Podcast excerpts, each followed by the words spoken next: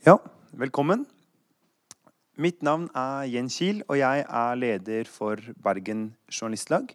Veldig hyggelig å se dere. I kveld så skal vi debattere om det har blitt stille i staten. Jeg skal ikke si så mye om det, men jeg er veldig glad for det panelet vi har fått, som snart skal bli introdusert. Og egentlig vil jeg bare gi ordet rett til eh, kveldens eh, ordstyrer, som er Kjetil Dale fra TV 2. Gi han en varm applaus. Vær så god. Tusen takk, eh, og velkommen alle sammen. Selv om det er brannkamp, selv om det er Manchester United-kamp senere, så, så, er vi her. Det er bra. Eh, vi skal presentere panelet. Vi har fra venstre Erik Vigander, som er kommunikasjonsdirektør på Haukeland. Velkommen til deg.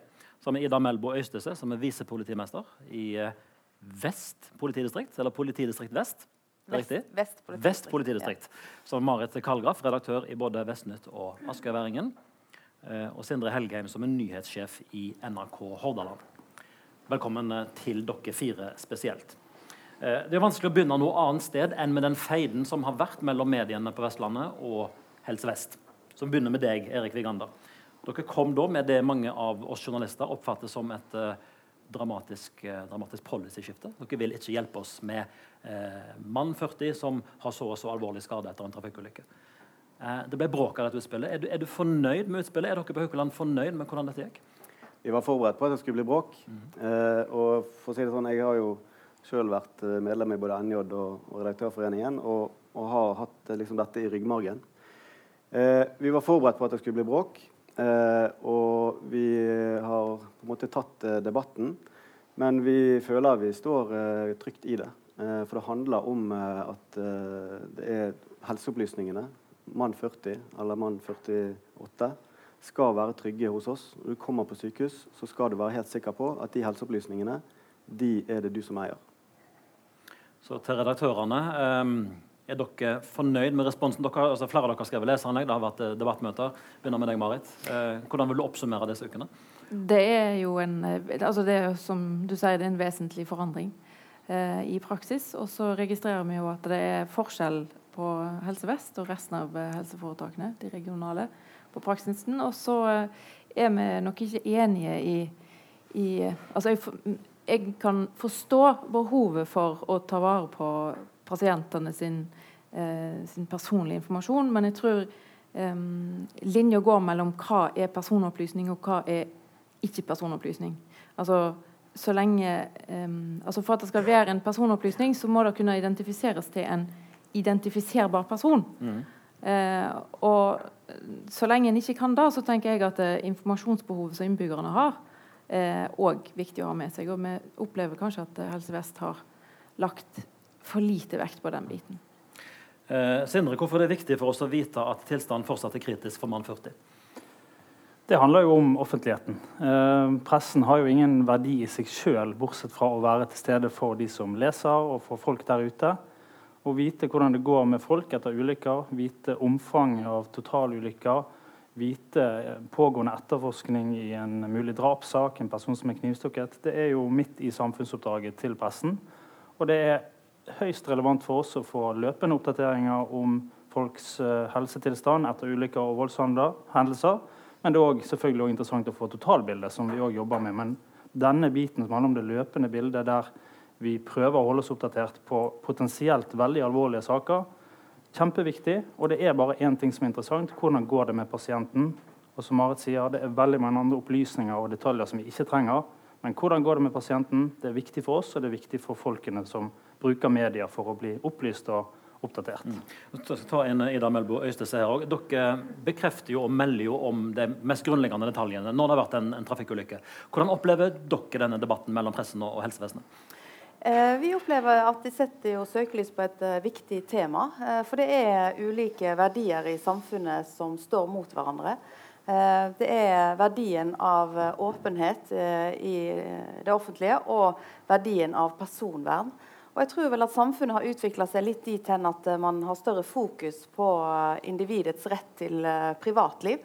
Og gjennom medieutviklingen og, den stadige hurtigheten og alle de digitale flatene som medieopplysninger sprer seg på nå, så er de opplysningene som media får, de er plutselig mye mer omfattende ute i samfunnet. Så jeg setter pris på at vi tar denne debatten. Bare en konkret ting til deg, Vikander, før du slipper til med det du skulle si nå. La oss ta denne trafikkulykken. Så, så, får man bekrefta politiet at det har vært en trafikkulykke. Og da sier gjerne dere at eh, vedkommende er sendt til helse, eh, eller eh, skadeomfanget er ukjent. Med dagens praksis nå, Vikander, kommer vi noensinne til å få vite hvordan det går etter den trafikkulykken? Ja, altså, og trenger man, trenger man å vite eh, akkurat der og da hvordan det gikk? Altså, er, er, det relevant å vite om det, den personen var lettere skadd? Om det var uh, kritisk skadd eller alvorlig skadd akkurat den formiddagen. Poenget er, kjernen er, som, uh, som Øystein sier, at det er medieverdenen har endret seg så radikalt fra dette ble innført. Da dette var innført, så var det på sin nyhetsdøgnet, og avisene kom ut en gang i døgnet. Nå er det fra minutt til minutt. Det er sosiale medier. Og det er at vi legger ikke ut Det vi legger ut uh, isolert sett, er ikke identifiserende. Men summen av alle de opplysningene som ligger ute, det kan være at det vi legger ut, mann 40, eh, det er det som kan være OK, det er Kjetil Dale. Det må jo være han. Han har jo en, eh, en eh, blå Opel. Bortsett fra at jeg er mann 49. Uh, Helge? Bare prøve å smiske. Ja, altså, Du sier at det, det, er rivende utvikling og det går fort. Er det noen som vet hvor fort det går i medieverdenen, så er det journalister og redaktører og mediehus. Ingen av de mediene som er der i dag, klarer å overleve hvis ikke de henger med. De har full kontroll på utviklingen på sosiale medier, på informasjonsflyt og pågangen. De vet akkurat hvor raskt det går, og hvor viktig det blir å holde tunge bein til munnen i et stadig endrende medielandskap. Så hvis det er noen som er frampå i den utviklingen og vite hvor mye informasjon som finnes, så er det journalister.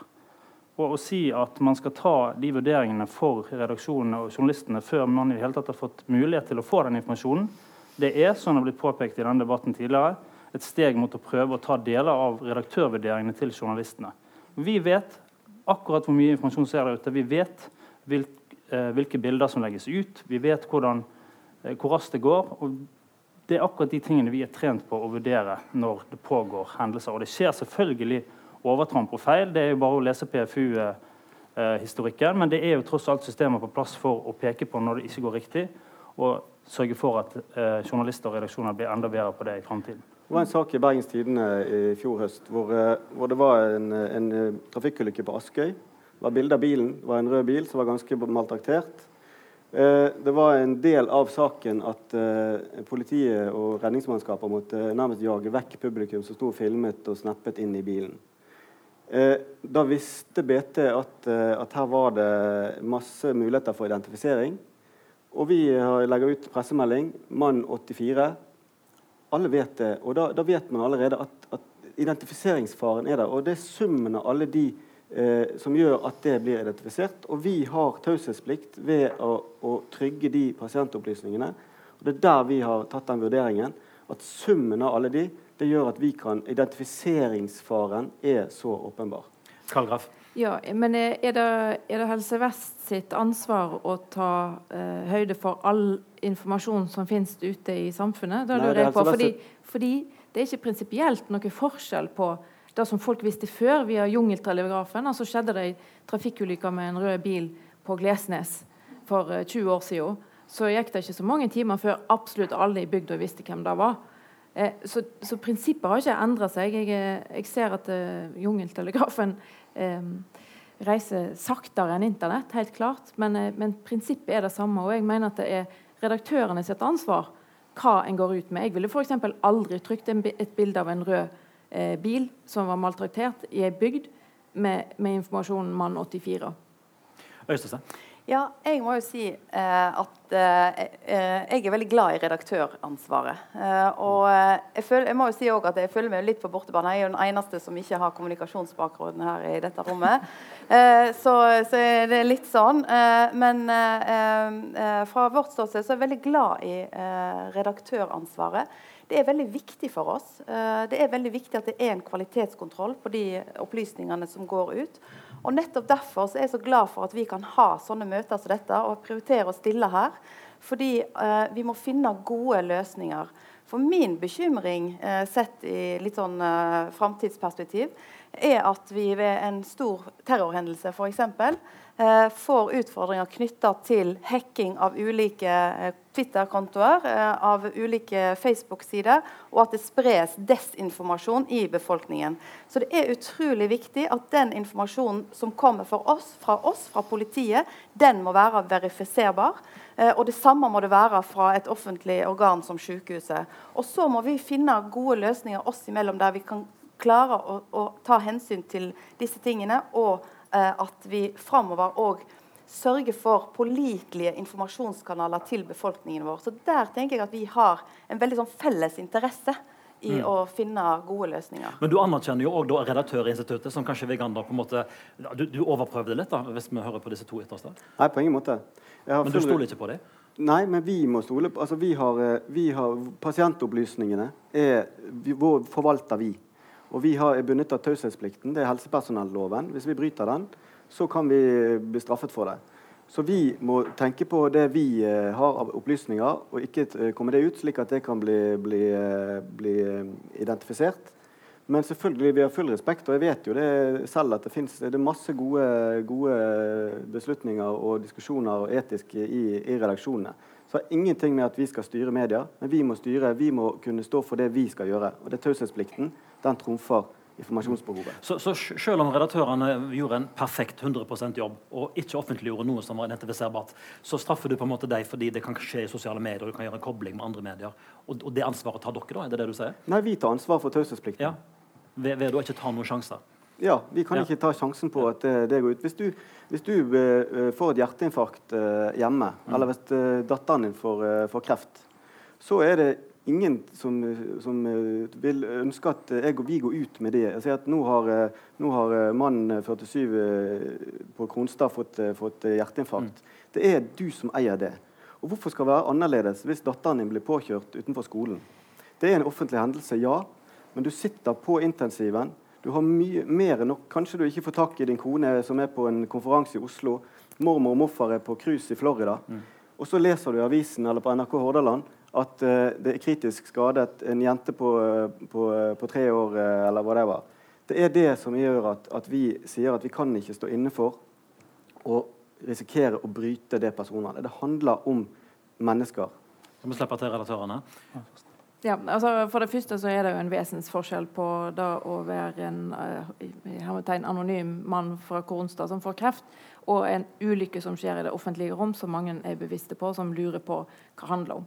Taushetsplikten er like ufravikelig. Ja, men taushetsplikten Jeg kan ikke forstå hvordan dere kan si at dere bryter taushetsplikten hvis dere skriver eh, hvis dere går ut med informasjon om mann 49 eh, er kritisk skadd i en trafikkulykke. Altså hvordan den eh, informasjonsdelingen er et brudd på taushetsplikt. Det forstår jeg ikke. Satt sammen med alle de andre eh, opplysningene som er ute, så ja, kan det være det som Ja, men da tar du nettopp ansvar for alt det andre som er der ute. Altså, da, da tar du ikke ansvar for det du deler. Da tar du høyde for alt som finnes der ute av informasjon. Helgen. Det som er vanskelig å forstå, og spesielt vi som jobber i NRK, vi er en del av Norges største mediebedrift. Møter kollegaer, snakker med kollegaer daglig, og de lever jo en helt annen virkelighet. Det som er vanskelig å forstå, er hvordan dere kan tolke dette regelverket og den generelle åpenheten som egentlig på en måte er den store paraplyen her, så svart-hvitt når praksisen er så ulik. Det at Helse Vest er de eneste som har denne praksisen, har gjort det uten å diskutere med viktige offentlige eh, interessenter, viser for meg at det ikke er en vurdering som er eh, 100 svart-hvitt. Jeg mener det er veldig mange nyanser i denne debatten. Og selv om det i ni av ti tilfeller ikke være relevant å fortelle om en uh, nei, være uh, informerende eller på en måte identifiserende å fortelle om en pasient sin alder og kjønn, så kan det godt tenkes at vi, den eneste løsningen vi trenger, tross alt er hvordan det går med pasienten. Og vi trenger ikke alle detaljene på, i det tidlige stadiet. Så når du nå i hvert eksempel eh, henviser til jente 19, gutt 3 og mann 58, så det, kan man forstå det at i enkelte saker så går det an å identifisere. Men jeg mener at det, i hvert fall grunnprinsippet må jo være tilgang på informasjon. Og Da man, kan man heller stramme noe inn i stedet for å stenge døren helt. Og Det går an å si mann tilstand. Det er i en første fase det viktigste vi trenger. Vi trenger nesten ikke å si noe om alder. eneste som kan være relevant i noen tilfeller, er om det er barn eller voksen. For det vil være si noe om sakens uh, natur. Eh, bare først til deg, Øystese, så kommer vi til deg. Denne nye policyen fra, fra helsevesenet, påvirker den dere på noen måte?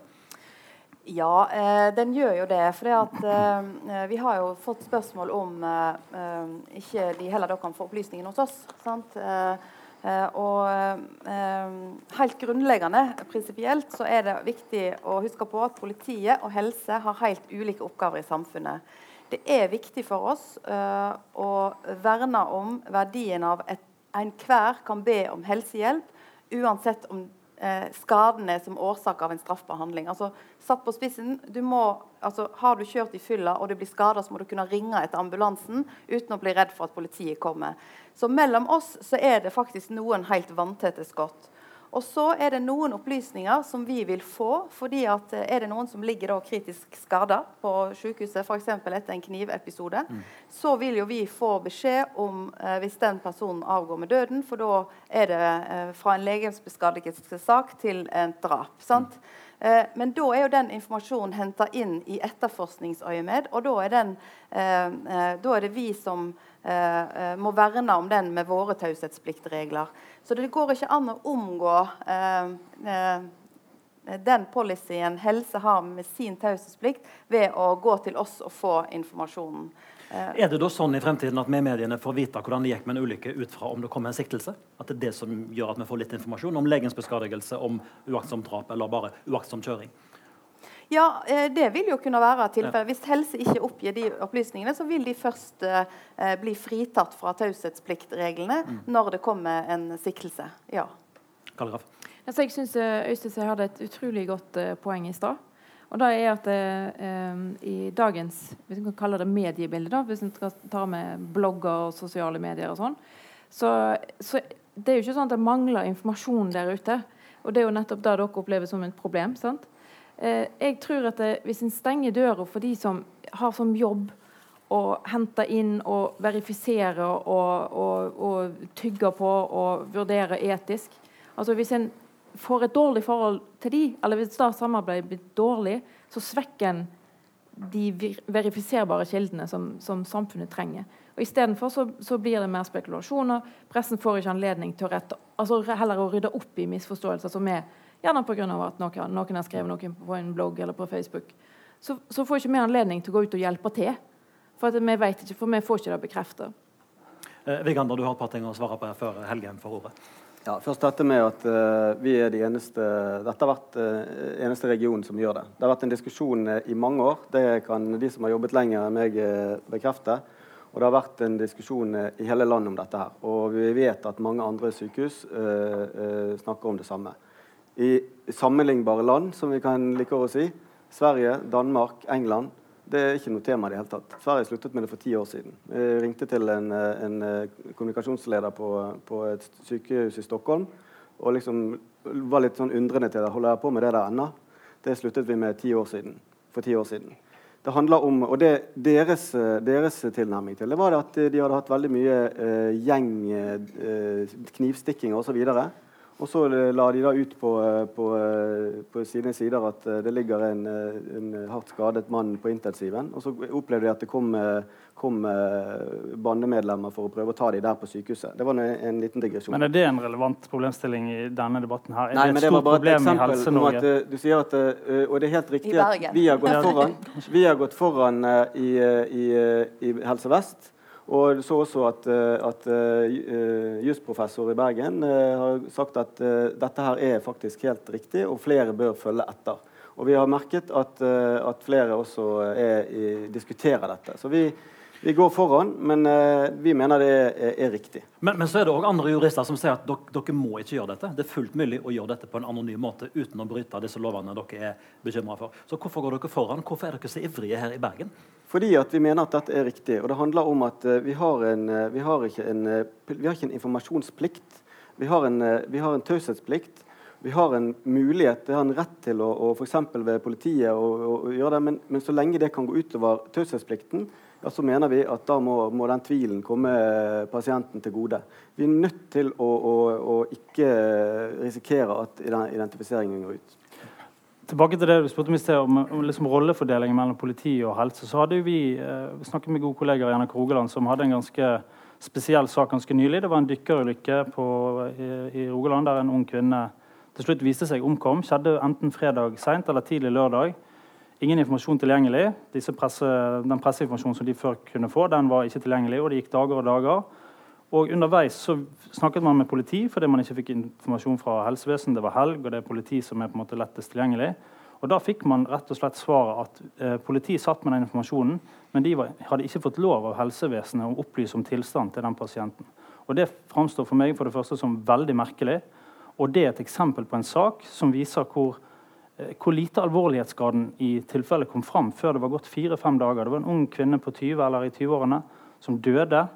Og det har kjempestor eh, offentlig interesse, eh, og ikke en uke etterpå. Det er viktig å få fram tidlig hvordan alvorlig en hendelse er. Både med hvordan journalister og medier kan dekke det, men òg for å vise alvorlighetsgraden i selve ulykken og gi den den plassen det fortjener. Og Det var et helt eh, paradoksal problemstilling at politiet faktisk satt med informasjonen, nærmest ønsket å gå ut med det, men ble båndlagt av Helse Vest. Og kanskje det henger sammen med den nye policyen at det var viktig å, å holde det innenfor rammene i, i, den nye verden. Er det noe du kan følge opp, Øystein? akkurat det han sier det? Eh, ja, eh, men det var jo litt det jeg var inne på i stad. At eh, den eh, informasjonen som er taushetsbelagt av helsevesenet, eh, har ikke vi myndighet til å oppheve taushetsplikten rundt.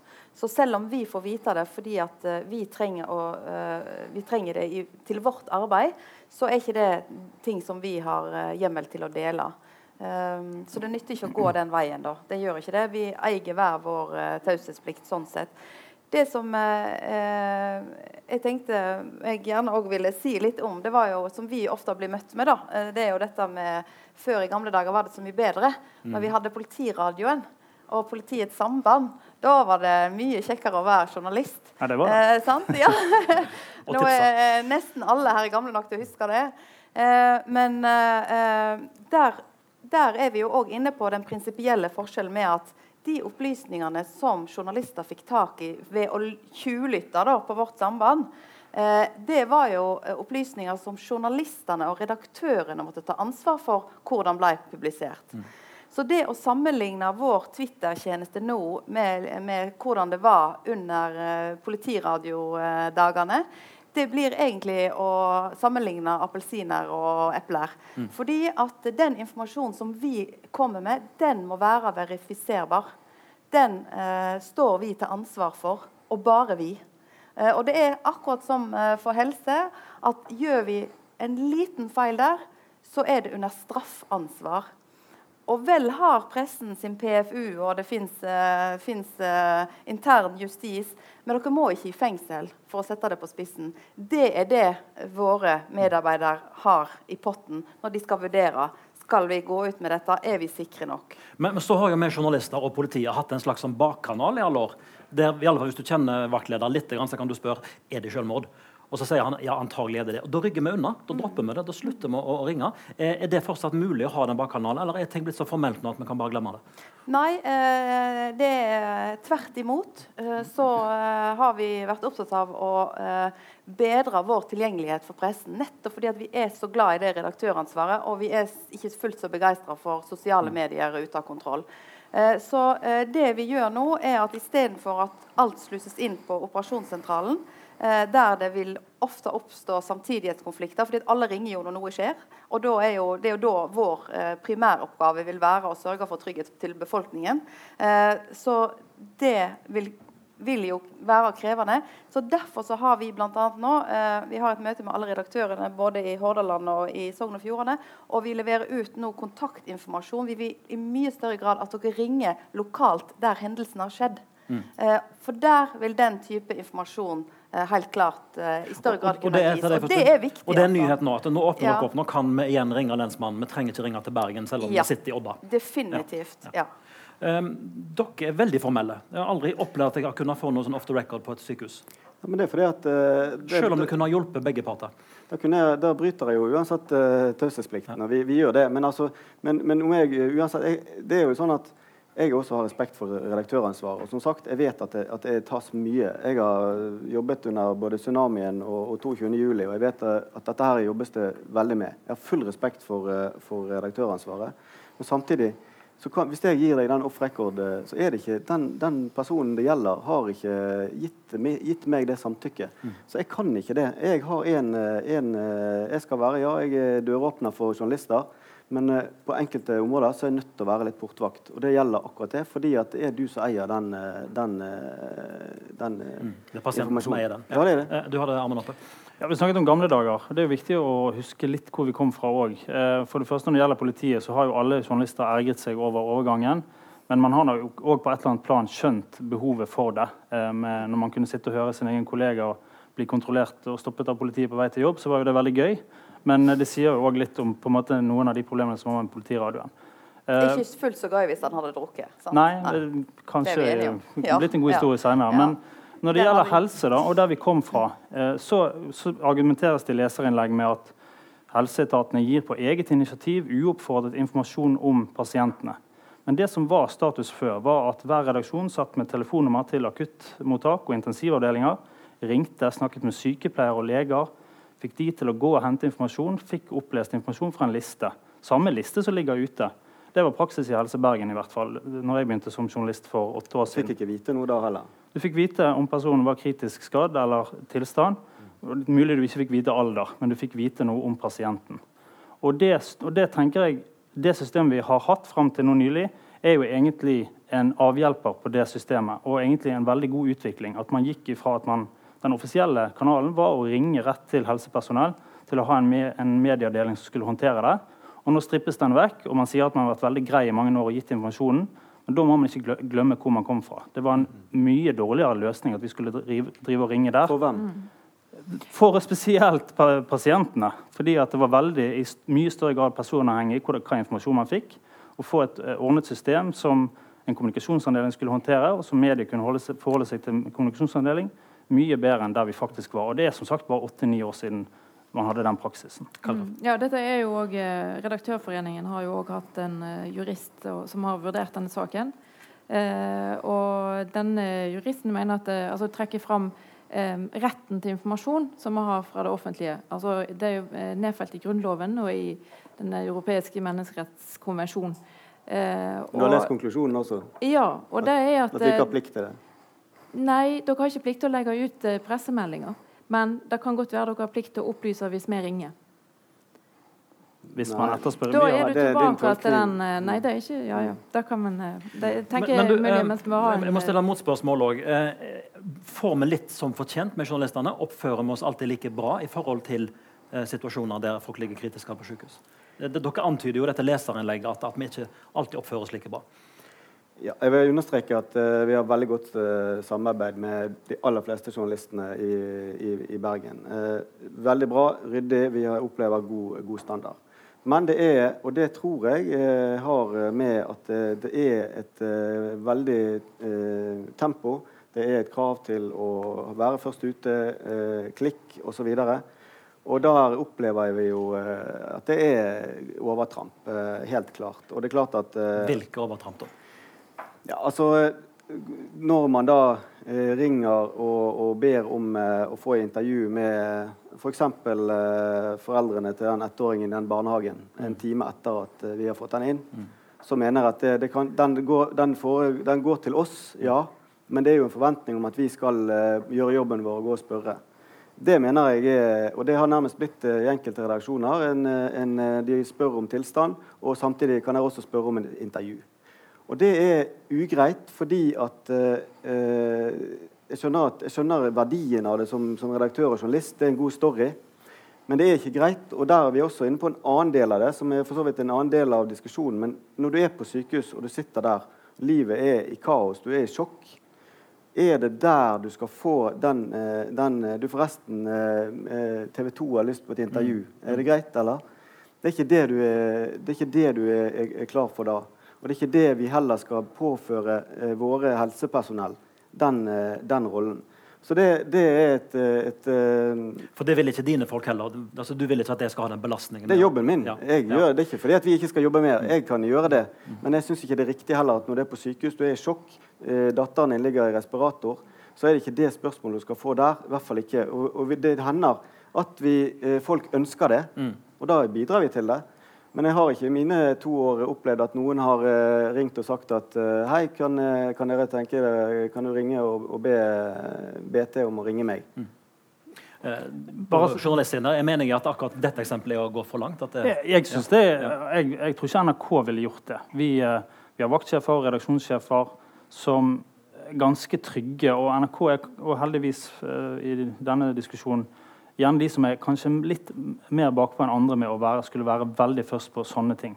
Men jeg syns generelt at når det gjelder etikk og, og journalistisk væremåte, så er jo det der i grenseområdet. Jeg liker ikke at man skal spørre om det kort tid etter en ulykke. Det, hvis man, enten man vet, Det kan jo òg være man ikke vet omfanget, og det bidrar kanskje litt til den debatten. Men tross alt så går den henvendelsen til mediekommunikasjonsavdeling. Og den går ikke til helsepersonell. De hører potensielt aldri om det spørsmålet, og det gjør i hvert fall ikke de pårørende. Grunnen til at man har en kommunikasjonsavdeling, er jo, kommunikasjonsavdeling er jo å være på en måte eh, bindeleddet. Jeg forventer at du kan si nei, det har vi ikke lyst til å spørre de pårørende om i denne situasjonen. På det, I det eksempelet som du nevner der. Og det synes jeg er helt greit. Ligger det Vigander, en, en moralsk indignasjon fra, fra Helse Bergen her? Altså, Tåler dere ikke at det kommer en sånn ja, la oss si det er for ufint, det er for tidlig, men dere er profesjonelle informasjonsfolk. Ja, ja. Jeg, jeg antar at kirurger også kan være litt ubehøvla på, på bakrommet Ja, etter operasjonen. Ja, ja.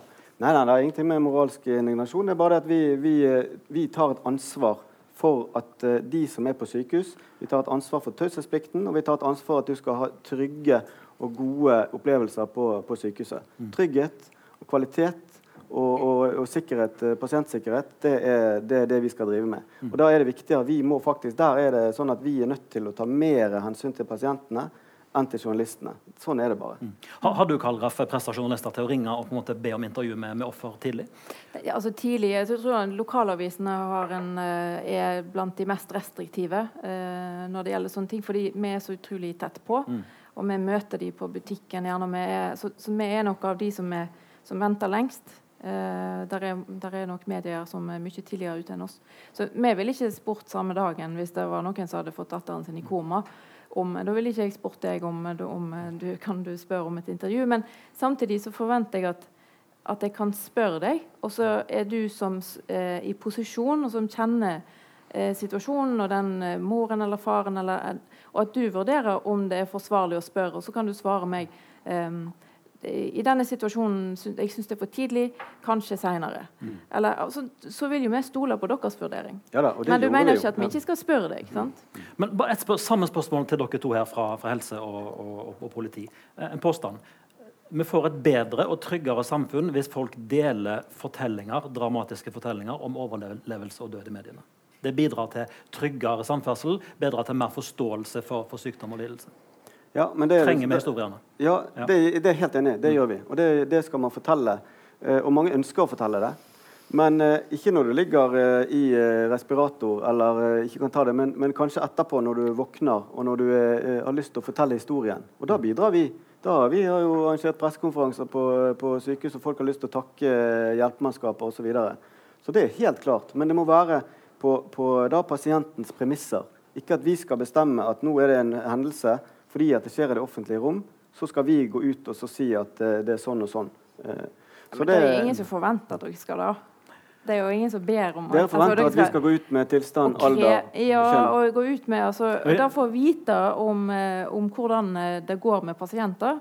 Som er, så nå er det sånn, Skjer det en trafikkulykke nå, så vet vi faktisk ikke om noen er, ligger for døden, eller om de har knekt en fot. Men jeg vil bare høre samme svaret fra Øystese. Er, er dette viktige historier, eller er det grafsing? Eh, det kommer jo litt an på eh, hvor og hvordan. Eh, akkurat det om det er grafsing.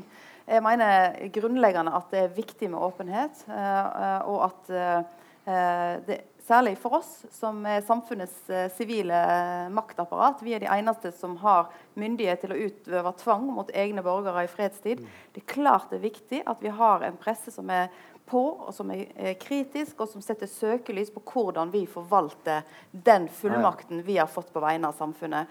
Og så er det noe med timing her. Eh, eh, og forståelse for hverandres primæroppgave. For vår primæroppgave er å trygge befolkningen, redde liv og etterforske straffesaker. Så når vi kommer i situasjoner der vi opplever at det er en konflikt mellom det å være åpen og ivareta vårt primæroppdrag, så velger jo vi primæroppdraget. Så kan det være, siden vi har denne monopolsituasjonen og er relativt autonome, så kan det være at vi har en kultur som er mer lukka enn det som kanskje er nødvendig ut ifra reglene om taushetsplikt. At vi kanskje har en kultur som ikke har verdsatt tradisjonelt sett åpenhet i samme grad som jeg mener er viktig for samfunnet. Uh, og det er noe vi jobber med internt. Uh, det, jeg begynte i politiet for 25 år siden. Og da var policyen sånn at uh, ringte en journalist, skulle du bare si 'ingen kommentar' og legge på. Mm. Uh, og det var òg det der trikset med For dette var jo på sånne faststillede trikset med at uh, du bare legger på midt i en setning, så tror man at bare linja ble brutt. så her var det mange triks i boka. Sant? Altså, man ja. det mens du ja, sjøl snakker. Ja, mens du sjøl snakker. Ja, ja, ja, ja. Det var det. Var det. Var, ja. Så, så, så, og det er klart, denne kulturen er det, er det vi er vokst opp i i politiet, og da er det en litt sånn skifte på det der å øve seg på å være litt frampå. Og jeg må si, jeg vet at, eh, at, eh, at, det er litt sånn at journalister ikke alltid er så glad i de som jobber med kommunikasjon. Men det må dere begynne å være, folkens. Fordi at de som jobber på kommunikasjon hos oss, vi har jo da styrka den staben, de hjelper oss og trygger oss på oss til å si ja. Til å fortelle, til å være åpne. Eh, hvis vi skulle holdt på med dette sånn helt på egen kjøl, så hadde vi vært mye lukka òg. Altså, vi, har jo vært, vært TV-serie i hele høst. sant? Det er jo, det er jo helt nytt. Politi i Bergen. Mm. Men det er jo underholdning. Det, nå snakker vi om journalistikk. Er vi mm. enige om Jo, ja, men vi snakker om åpenhet. Ja. Det var det jeg snakka om. Mm. Åpenhet med hva vi holder på med, og at vi ønsker å invitere eh, samfunnet inn, sånn at de ser hva prioriteringer vi står i i hverdagen, og hvordan vi velger å prioritere. For det er viktig. Politiet må være under demokratisk kontroll. Politiet må ha tillit til at de prioriteringene vi gjør, er faktisk de som samfunnet ønsker at vi skal gjøre. Vi må gå til Kallgraf og så til, til Vigand. Ja. Jeg er veldig glad for det som visepolitimesteren sier. og det, jeg synes det er, det er veldig um, altså det er en innstilling til åpenhet som, eh, som er like godt, eh, og som jeg tror samfunnet trenger. Eh, så jeg vil si at eh, jeg deltok også på det møtet på mandag. Og jeg opplever at politiet i veldig stor grad er, viser interesse for å, å få eh, denne kommunikasjonen eller den informasjonsflyten til å bli bedre.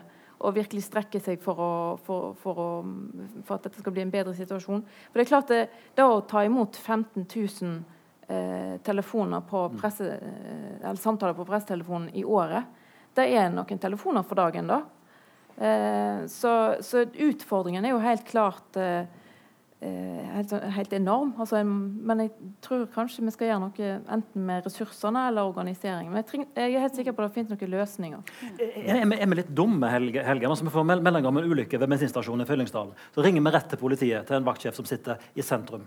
Burde vi kanskje ja, for det første dra ut dit, eller kanskje ringe til noen på bensinstasjonen og spørre om de ser noe? Altså, forventer vi for mye for tidlig?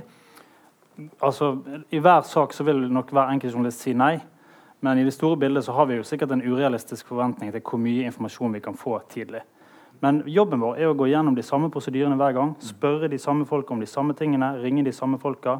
Både reise ut og ringe alle numre du kan fra første stund.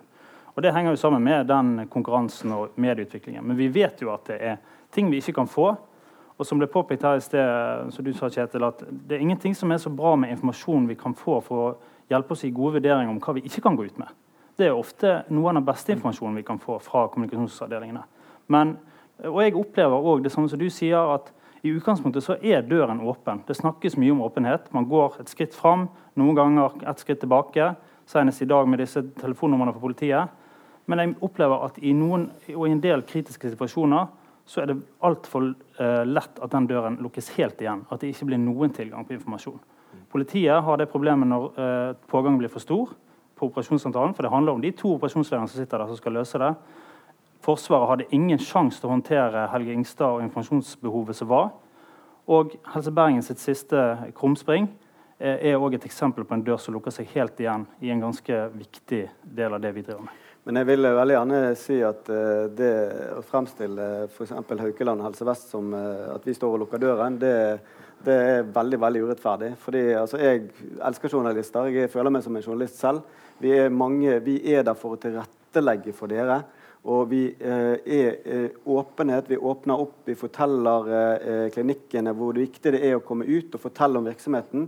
Det er skatte, dette skattepengene går til. Vi åpner opp både når det gjelder positive saker, men også negative. Det har vært stormet mye på Haukeland de siste par årene. Vi eh, stiller opp, vi er alltid tilgjengelig, og vi har kjempegodt eh, forhold til eh, journalister.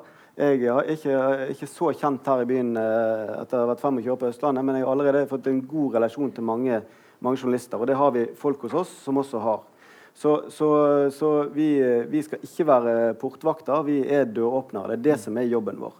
Er, så, det, så, akkurat denne her saken her, det, jeg skjønner at det er, at det er men samtidig, hvis vi først har ordet, dette her med, La oss si denne her ulykken ute i Ta et helt konkret eksempel. Nå skal, det er ikke for å gå inn og være styreredaktør. Men bare, det bare undrer meg.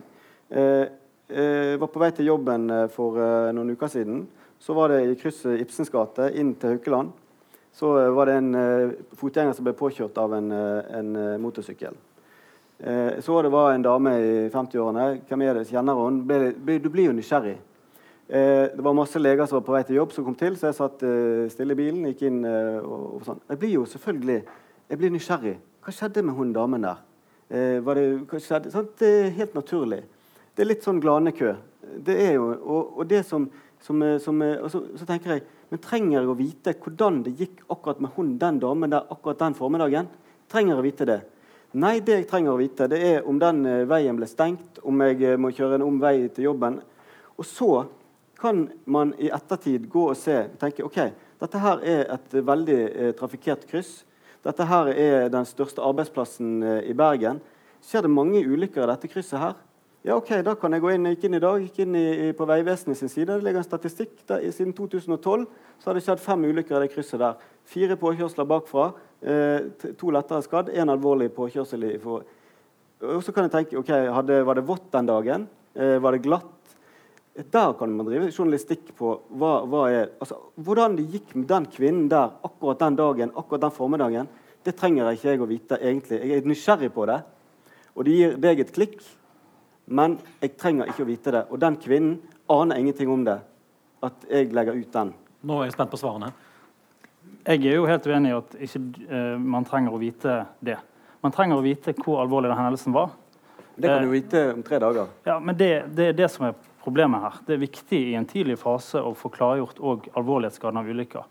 Og i 99 av 100 tilfeller med sykkelpåkjørsler, fotgjengere, biler, så er det politiet som enkelt opplyser om at uh, personen er oppegående, bevisst, uh, virker ikke å være alvorlig skadd. Og de kommer jo heller aldri ut på pressemeldingssidene. Men det er, så det er jo flere grader her, og det er viktig å skjønne tidlig for journalisten at den hendelsen ikke var alvorlig. Og det kan vi få enkel informasjon om det. I dag så får vi som regel den informasjonen fra politiet, for de gir en generell beskrivelse av situasjonen. Men hvis det potensielt var en alvorlig hendelse, så trenger vi å vite det dag én eh, eller dag to. Fordi at Det sier noe om alvorlighetsgraden og hvordan man bør dekke den saken og følge med på den saken. Ja, jeg, jeg er ikke uventa enig med deg. Eh, men eh, jeg lurer også på hvor, etter tre dager, hvor er det vi får den informasjonen om hvordan det gikk? Og så lurer jeg også på i dag kan jeg gå inn på Statens eh, vegvesen og så kan jeg eh, sortere disse ulykkene. Finne ut hvor er, hvor er de farligste veiene. Hvor skjer det oftest dødsulykker? Hvor skjer det oftest eh, ulykker med kritisk skade? Eh, hvor skjer det ulykker med mildere skade? Vil dere gi den opplysningen til, til Vegvesenet etter hvert, da, eller blir det slutt på det? Nå spør jeg fordi jeg lurer på det. Det er jo eh, aggregerte data som vi uh, har, og som vi kan eh, gi ut. Og, og, vi har jo masse her. F.eks. Uh, har jeg traumerapport 2018. Det er altså alle hendelsene som vi, traumepasientene som vi har fått inn i 2018. Her står det ved alvorlighetsgrad. Når kom de inn på døgnet? Eh, hvilken ukedag, hvilken måned er det flest eh, traumer? Eh, hvilke eh, skader hadde de? Hvilken avdeling ble de sendt til? Men du- Jeg har sendt denne til to redaksjoner i Bergen. I, de har hatt den i måned, har ikke gjort noe med den. Men, men, så statistikk, jo- men har statistikk beveget verden? Er det ikke sterke fortellinger? Er det ikke ting som opprører folk, som, Ja, masse... som, som går fram til politikere, folk som, som skaper debatt og som skaper engasjement? Ja. Er, er det sånn statistikk som gjør det, eller er det fortellinger som gjør inntrykk på oss? Ja, men fortell, Vi snakker om, om en hend- pressemelding på en hendelse. Det er ikke en fortelling, Kjetil. Å møte et menneske i media blir jo gjerne en fortelling. Altså det, det som gjør inntrykk på oss, som kanskje setter i gang engasjement, som gjør at folk går i tog, som vil ha en ny vei, som vil, vil eh, engasjere seg. Du bare, More. Ja, eh, for jeg ønsker meg jo at dere kommer mer ut som jeg hadde en opplevelse av at dere gjorde mer før. Eh, at nå er det som du sier, at dere har kanskje litt for høye forventninger på hva operasjonssentralen kan levere av tjenester når det smeller. Eh, og at det blir å sitte inne på redaksjonskontoret sitt og ringe til operasjonssentralen i Bergen og forvente å få saken liksom helt ferdig. For jeg tror òg at det er der ute, og det er eh, faktisk Våre innsatsledere har jo vi trent nettopp til å håndtere media. Eh, og vi syns vel egentlig at de ofte står litt alene der.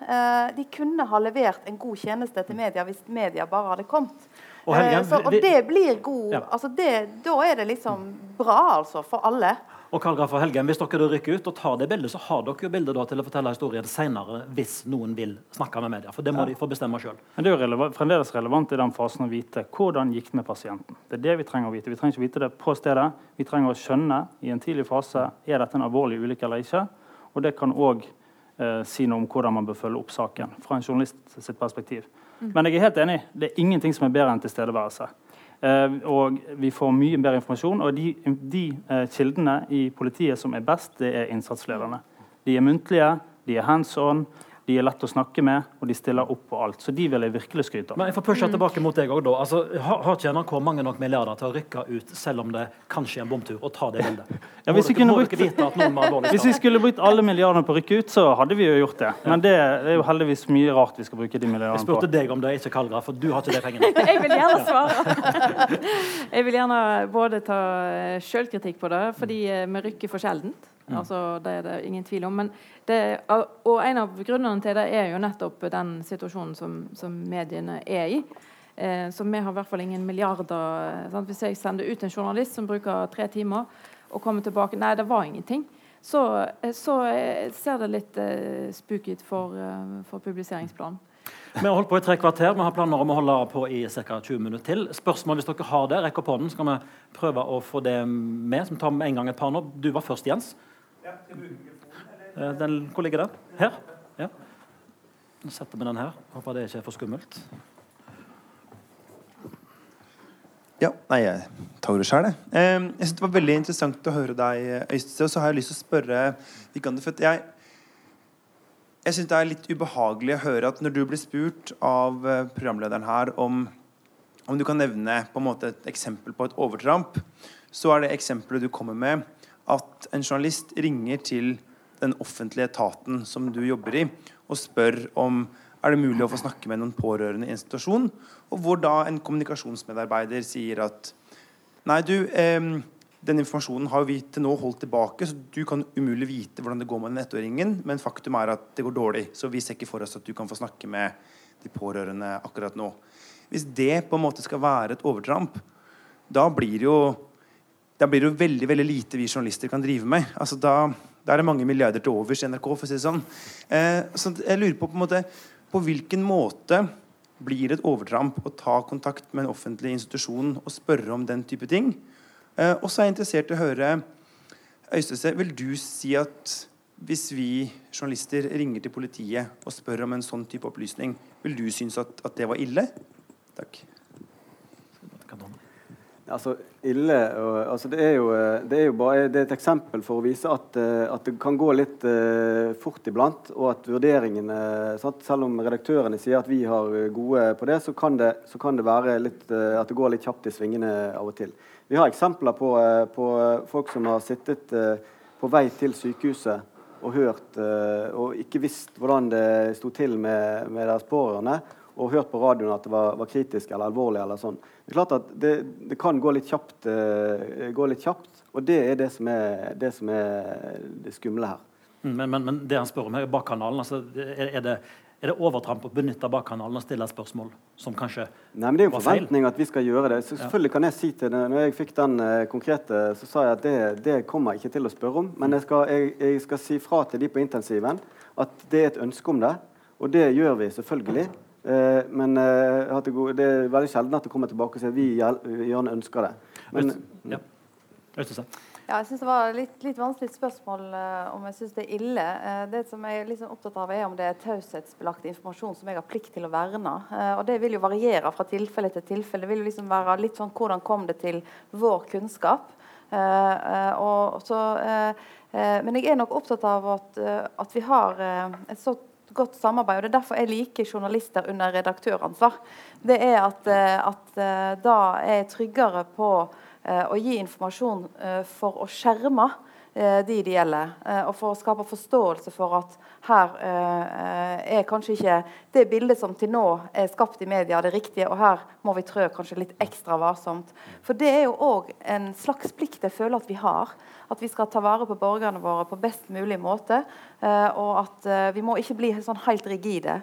Eh, Så igjen, eh, jeg liker veldig godt at vi møtes i sånne settinger der vi ikke alltid diskuterer én konkret sak. Ja. Eh, Kort replikk der. eh, Så har jeg noe her, og så har jeg to spørsmål i salen.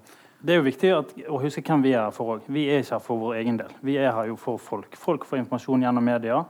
Og hva tror du alle lurer på når den personen blir påkjørt på Glesvær eller Glesnes eller i Bergen? Det er jo hvordan det gikk med den personen. Hvor alvorlig var det? Var dette en kjempealvorlig hendelse utenfor skolen, eller var det bare en liten påkjørsel?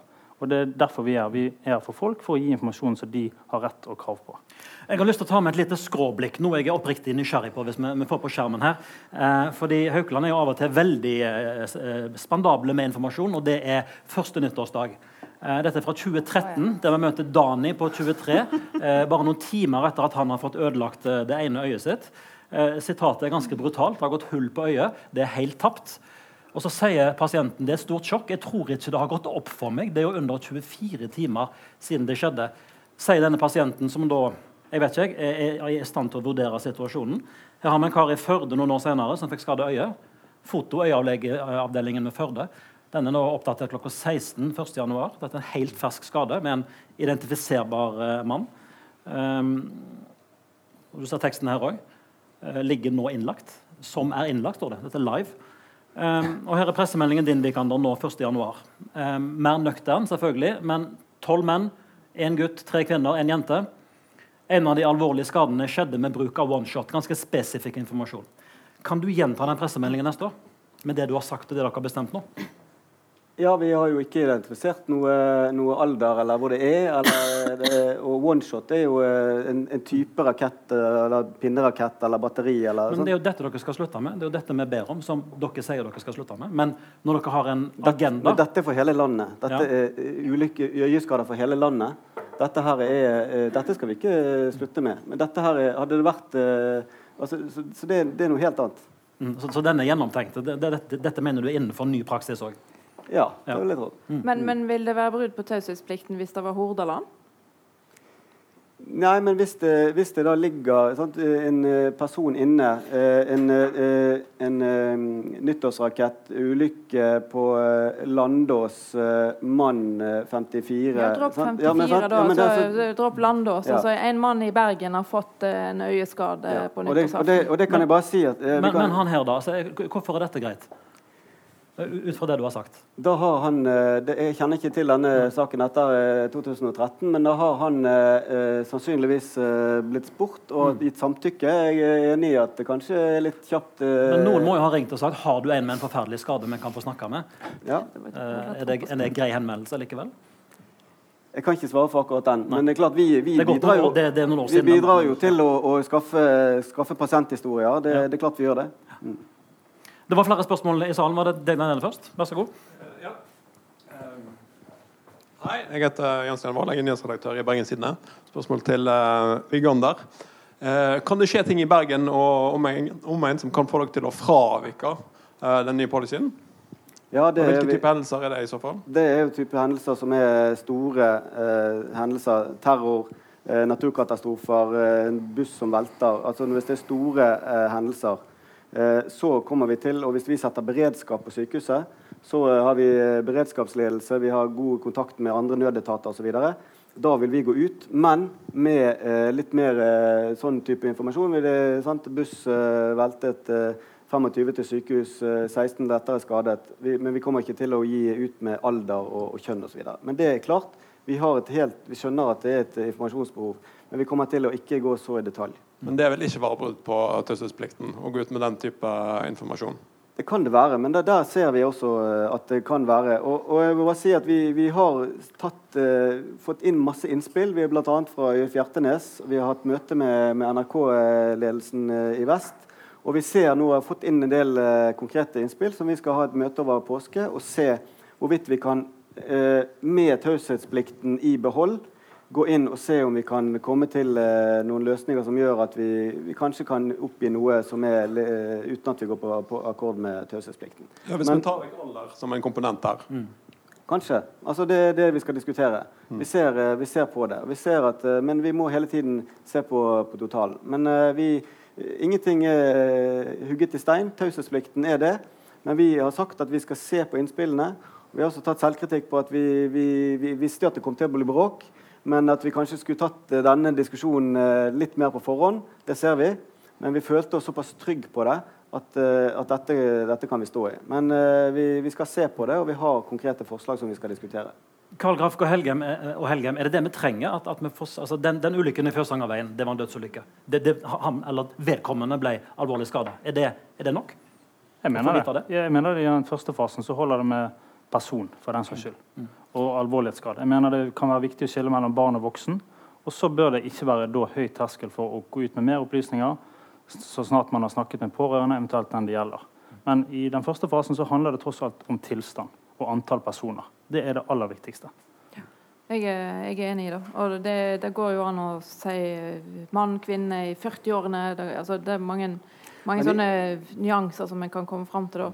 Eh, men, eh, men akkurat denne vurderingen av prinsippet, hva som er personopplysning og ikke, det, det syns jeg er, er, interessant å diskutere. Flere spørsmål her? Ja, hei, Linda Hilland. Jeg jobber som journalist i Bergensavisen. Jeg har også jobbet eh, seks år som kommunikasjonsrådgiver i Helse Bergen. Eh, når jeg jobbet der, så eh, ga vi ut dette. Vi ga ut eh, alder og kjønn og eh, hvor alvorlig personen var skadet. Men vi fikk aldri en eneste klage. Så det jeg lurer på, har dere fått noen klager på dette? Er det, er det derfor dere gjør det? Og så reagerer jeg på en ting til, Viganda. Du sier at eh, eh, pårørende som kom kjørende, eh, fikk vite på radioen om eh, personen var, at personen var alvorlig skadet. Og da tenker jeg da er det jo dere som ikke har gitt, gjort jobben deres. For dere skal jo ikke gi ut informasjon før de pårørende er varslet. Eller i hvert fall gi beskjed til media at de pårørende ikke er varslet, sånn at vi kan gjøre jobben oss og ikke gå ut med informasjon før de er varslet. Ja, og Det kan skje at, eh, at, det går litt fort i svingene hos oss også. Det var en episode eh, at eh, det ble lagt ut en eh, pressemelding på en femåring som falt i, i trappen hjemme, som ikke var det offentlige rom og så ble det lagt ut. og Plutselig var vi hovedkilden til en sak, og politiet visste ikke om det. Så det er klart at det, det kan, glippe, kan, glippe, der òg. Men altså, vi har, eh, vi har fått eh, folk vi har snakket med i miljøene, de som jobber på intensiven de, de, de, Dette er en problemstilling. Men for å snu på spørsmålet litt Vi har heller aldri fått noen som sier kan dere ikke opplyse mer om dette? Altså, det, det, er snakk om eh, vi, vi, ser, vi, vi tar et ansvar for at taushetsplikten er så hellig, den er så viktig for, eh, for eh, som har sagt, altså Taushetsplikten for helsepersonell er jo like hellig som, eh, som kildevernet for journalister. Vi kan ikke uh, lefle med det, rett og slett. Det var en veldig fersk sak der um, en knivstikking på Jæren og Helse Vest. Um, der det, man aldri fikk vite hvordan det gikk med en, en godt voksen dame som var blitt uh, knivstukket. Og uh, Der var det familien som snakket med rådmannen i kommunen. Ba innstendig rådmannen uh, om å gå til media og opplyse om at kvinnen var lettere skadd, for å dysse ned presset på familien. Så selv om ikke dere har fått de klagene, kan det godt tenkes at det er misnøye, eller ikke misnøye, men at det er mange situasjoner der eh, faktisk de pårørende og de som er skadelidende, hadde hatt veldig stor nytte av at media har fått hvis vite om de kommer til oss og sier kan dere gå til media og opplyse om det, så gjør vi det selvfølgelig. Men det skal ikke være, det må være da må det gå den veien. Det kan jo tyde på at det er noen ting med dette nye systemet som ikke fungerer helt, da, når man går bakveier for å få ut informasjon. Spørsmål Henriette? Ja, det er Jorunn Øgaard Vestnytt, og det er til deg nok en gang. Um, hvis dette her blir praksisen framover, altså hvis det er det vi må forholde oss til, kan dere som informasjonsavdeling ta en mer aktiv rolle å hente inn samtykker, og så på en måte aktivt gå ut i media, heller enn å bare si vi har taushetsplikt, vi kan ikke gjøre noe? Altså fra pårørende og eventuelt den eh, syke sjøl, hvis den kan snakke. Men det er, da jeg, eh, det er da jeg lurer på om det er min jobb å gjøre det. Hvis du er på sykehuset, og din mann eller din datter eller hva, og du sitter der på intensiven, og jeg kommer bort Du, eh, Vestnytt, eh, har, de har fått tips om at eh, du er fra Askøy, og vil gjerne intervjue, deg om dette, om at mannen din eh, nå ligger på intensiven. Eller vil, vil si at, eh, at eh, tilstand, oppgi tilstanden din. Eh, er det relevant for deg og at det skal ut i media at, eh, at mannen din ligger og er kritisk skadd? Altså, det er noe med at det er du som eier den opplysningen. Det er du som eier det. og og vi må spørre om det. Og det spørsmålet er det der på sykehuset som skal få det spørsmålet. Og skal vi be våre ansatte helsepersonell som løper Det, det løp, skriver vi jo også stadig om at de løper og har veldig mye å gjøre. De har ett fokus. Det er å være der og redde liv og, og gi trygg helsehjelp. Er det det vi skal eh, Selvfølgelig skal vi, vi, vi hele tiden er på, på tilbudssiden til å gjøre det. Men det er jo spørsmålet om vi skal gjøre det. Det er også et etisk spørsmål. Men Må det handle om, om intensiven hele tiden? Er det ikke andre typer hendelser i nyhetsbildet der, der det er aktuelt å snakke med folk? Om de har vært, eh, blitt lettere røykskada i en tunnel, om de har vært på et cruiseskip som mista motorkraften? Men dette er, Vil en, dere beskytte deg dem like energisk? dette er en ordning som gjelder for traumer i offentlige rom. Det er kun det det gjelder. Kun traumer i offentlige rom? Ja, Hvis du kommer inn på sykehuset med, hvis du brekker foten i påskefjellet, så det er ingen som spør om det, eller om du får hjerteinfarkt eller, eller sånn. Det det er jo Men hvis du taushetsbelagt. er evakuert ut fra en tunnelbrann, eller har Ja. vært om bord i et cruiseskip som mister motorkraften, Ja. hva kategori er det? Det, da snakker vi om eh, store, da, sannsynligvis uh, beredskap. Det var en, eh, et eksempel her som var et sånn typisk grensetilfelle. og vi, vi har sett noen av de når vi fikk en person fra Viking Sky. Og uh, Helse Møre og Romsdal uh, sa at de hadde sendt det til, til brannskaden. Hvilket da i ettertid kom frem at det var feil. Men jeg, hvis jeg hadde gikk ut og bekreftet det, så, så han, journalisten satt og hadde alder og, og, og nasjonalitet og alt mulig. Hvis jeg hadde sagt at bekreftet eh, noe som eh, positivt var feil, ja, så kan jeg spørre ok, men er han på hjerteavdelingen. Da Og så da, da er han med en gang ute. Og, og, hvis jeg først sier det, så, så har jeg brutt uh, taushetsplikten. Flere kommentarer til dette? Så har vi et spørsmål der. Og der, ja. Det er bra. Da går vi rett på her. Vær så god. Hei, Jon Tufte var i Bergens Tidende. Mitt spørsmål går eh, til Vigander igjen. Altså, du nevnte at en juridisk ekspert har gitt dere støtte i tolkningen deres av eh, loven. Mens andre juridiske eksperter mener det stikk motsatte. Hvorfor har ikke dere bedt Justisdepartementet om en avklaring, istedenfor å opphøye dere sjøl til et slags helsevesenets høyesterett? Altså, Vi er pliktet av helsepersonellovens paragraf 5 eh, at vi har taushetsplikt. Og taushetsplikten trenger ikke vi å gå til Justisdepartementet for å, for å få. Og vi har fått, eh, vi har, eh, altså, Redaktørforeningen har gjort jobben for oss eh, og tatt en juridisk betenkning med, med Wessel Aas. Og de, de, Han støtter oss og sier vi har ikke plikt til det. Vi har ikke det.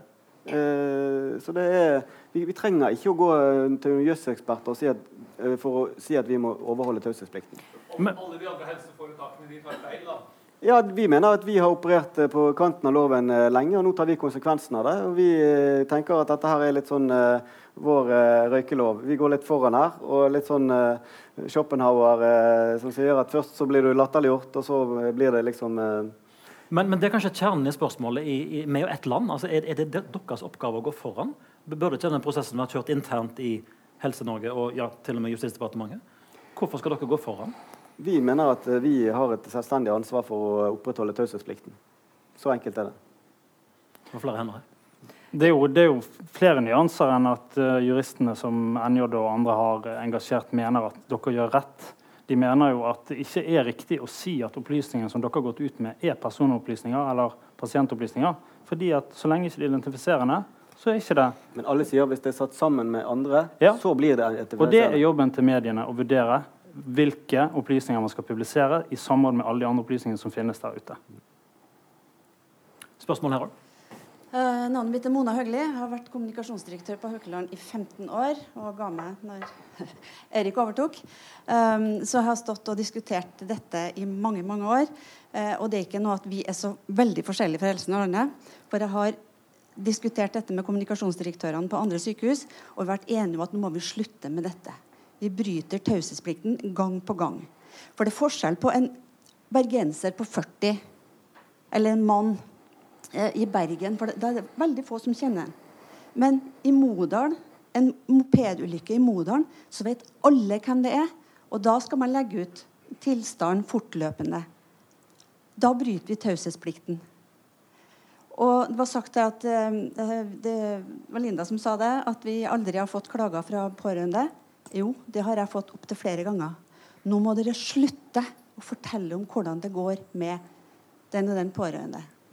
For media vil ha fortløpende oppdatering, og det skjønner jeg. Altså, jeg har jo vært journalist i 16 år selv. Og til å begynne med så synes jeg at selvfølgelig vi må gi ut enda mer før jeg begynte å se hva er det vi holder på med, og hvem er det vi skal beskytte. Det er faktisk opplysningene til pasienten. Så vi har fått flere ganger har vi måttet sagt at nå slutter vi å si det, fordi at de pårørende nekter oss. Så ja. Vi er ikke enestående. De diskuteres på de andre sykehusene. Og mange er enige med oss, og jeg tror de kommer etter. Men de er, de er veldig redd for denne, dette bråket som har vært. Og nå ser de hvordan det er i Bergen. Men jeg er ganske sikker på at de kommer etter. For dette har vi diskutert og vært enige om de siste ti årene.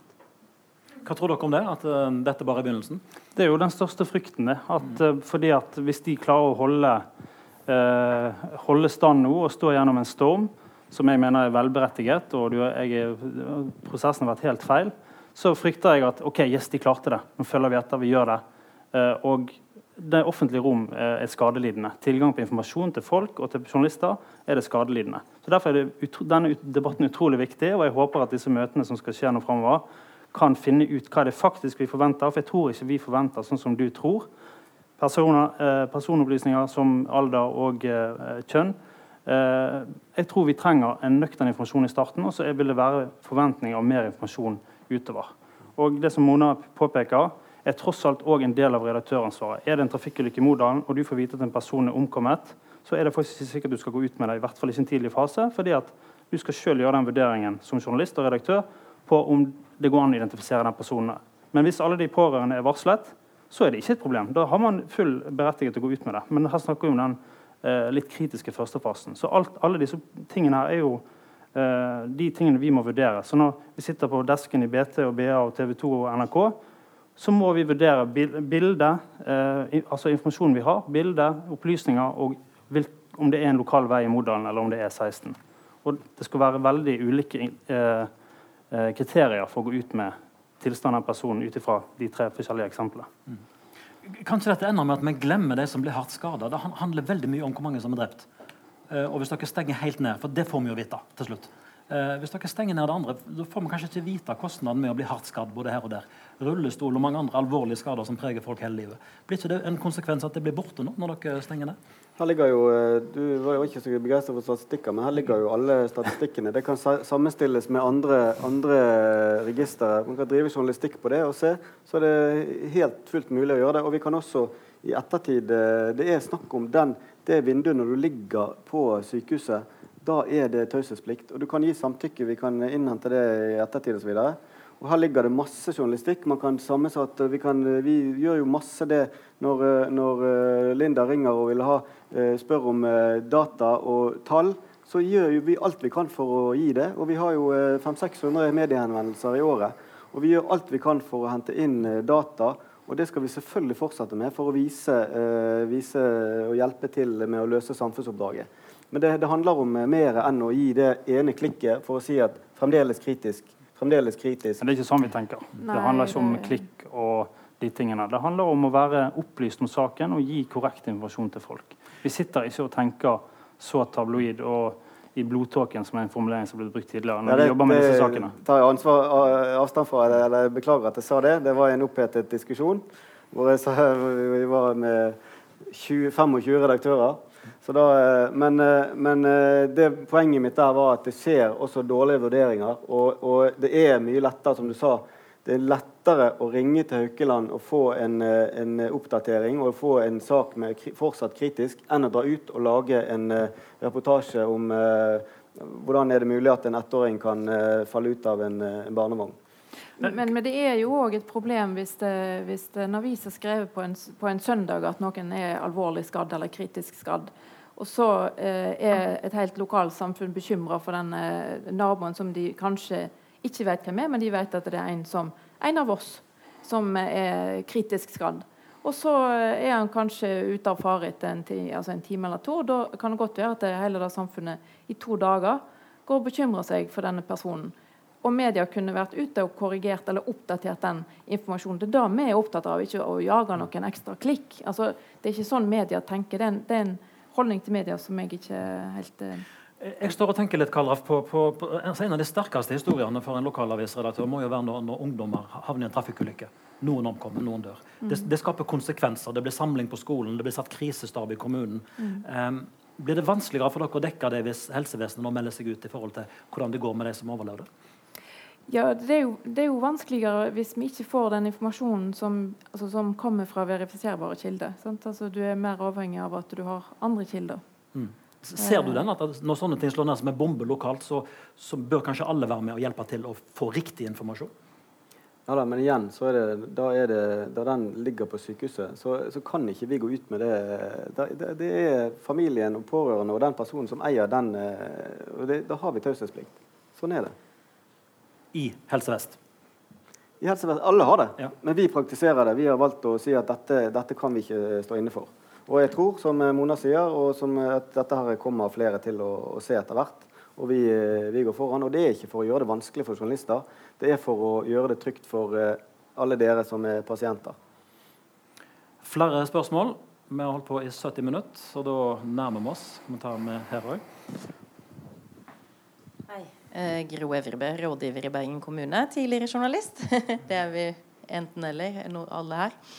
Eh, bare tenkte litt på det det har vært sagt flere ganger før, men dere er den eneste verifiserbare kilde. Og dere hadde liksom disse tre kategoriene kjønn, alder og så kritisk alvorlig, lettere skade, som satte veldig tydelig som markering for hva kan man si. Så jeg lurer på hvordan det er reflektert rundt eh, Er det en fare for at dere kan være med å øke presset mot pårørende her? I denne floraen av alle mulige kilder og spekulasjoner så kan det jo være at det vil bli et økt press her rundt pårørende med at det går så mye rykter om hva som har skjedd, og hvem det var. Mens dere kunne på en måte bam, satt foten ned og bare Det var mann 59, lettere skadd. Det er ikke noen som holder på å dø. Ja, Men det er jo ikke vårt ansvar heller. Sant? Og det er klart at eh, presset det er jo det er litt på journalistene. Hvis man da velger å, å ta den telefonen eh, og, og, Så det, det, det blir litt sånn feil å, å si at vi skal være, være de som, som styrer over det. Vi må, vi må ta, se på den enkeltpersonen og se er det riktig å gå ut med, med tilstand, eller skal vi verne den personens helseopplysninger, som vi er pliktige til å gjøre. Øystese, tilbake til deg. Eh, kan det være at dere blir mer restriktive? Altså, hvordan vurderer dere grensen for å si hva dere sier om vedkommende? Som, ja, Vi hadde jo en tilfelle her der eh, en mann som ble knivstukket og døde, ble kasta inn i en politibil og kjørt til Haukeland. Hvor, mye av det kan dere fortelle? Hvor går grensen for når dere ikke kan si noe?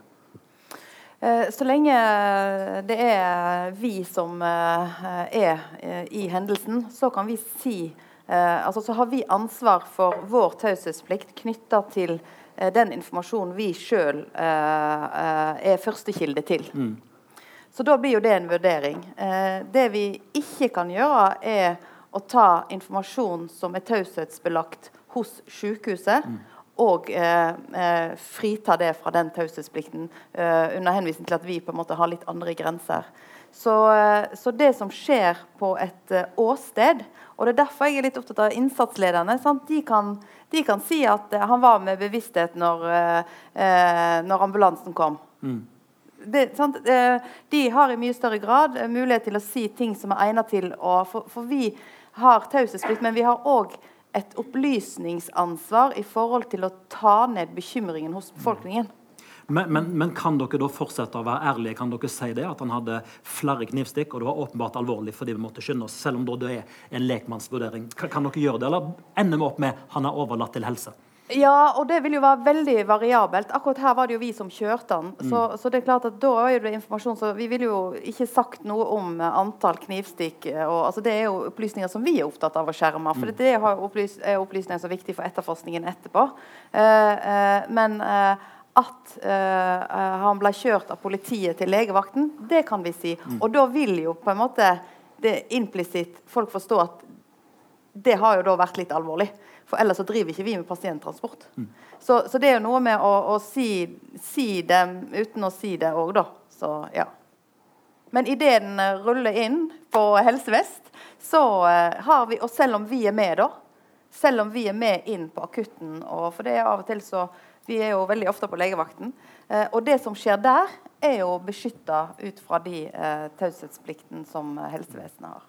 På samme måte som pasienter som kommer, eh, som har vært utsatt for en straffbehandling som de ikke ønsker å melde til politiet. F.eks. Eh, vold i nære relasjoner. Voksne eh, kvinner typisk som er blitt skamslått eh, av mannen, må kunne ha muligheter for helsehjelp uten at hun er redd for at det vil da bli en politisak.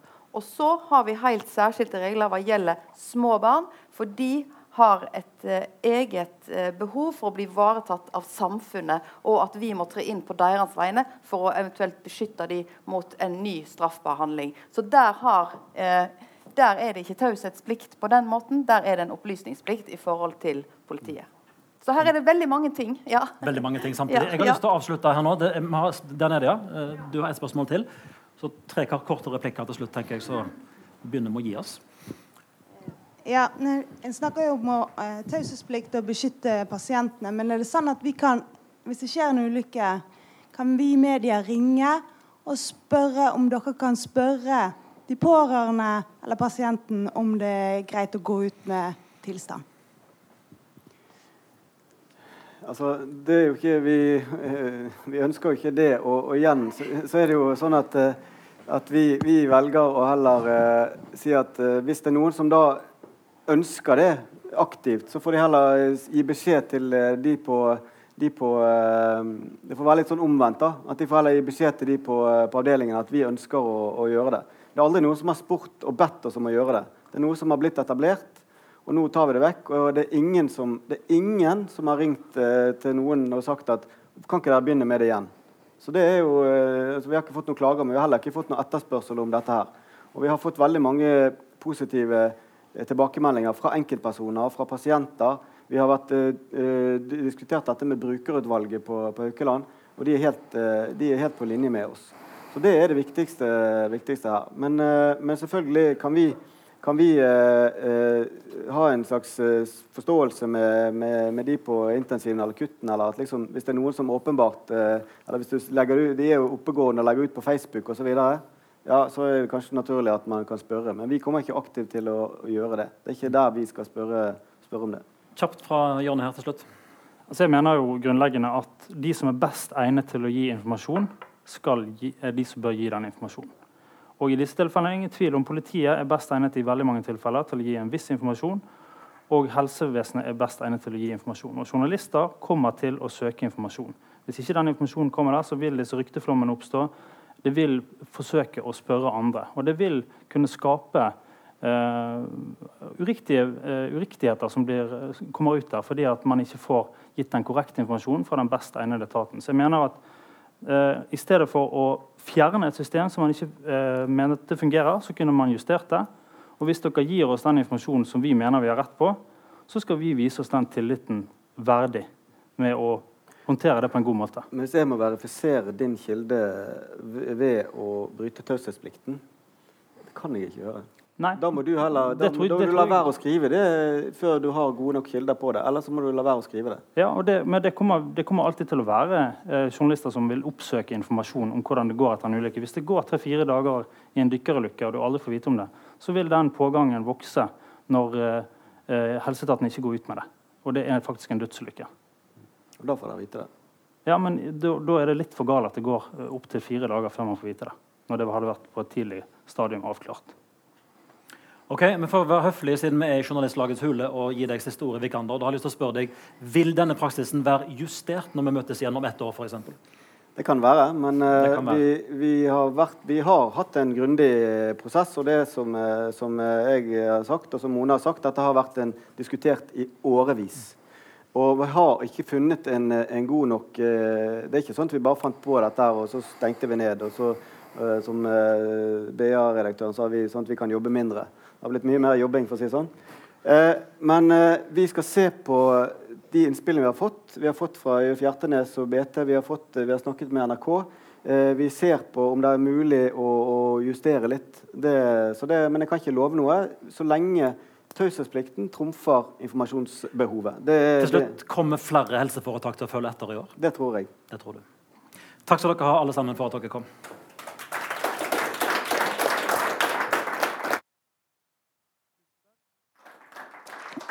Tusen takk for at dere kom. Jeg vil bare kort eh, fortelle at i forbindelse med nordiske mediedager så kommer jo eh, vår venn Steve Bannon til byen. Eh, en slags mediegründer fra USA. Eh, og vi i Bergens Journalistlag har gått sammen med BIFF og Mediedagene om å invitere Alison Clayman, som har regissert eh, filmen The Brink, hit til byen. Hun kommer med fly fra Uniten. Og vi viser filmen og tar debatten med Frode Bjerkestrand og Ørjan Nilsson 8. mai halv fire på Bergen kino. Gratis for alle medlemmer av Bergens Journalistlag.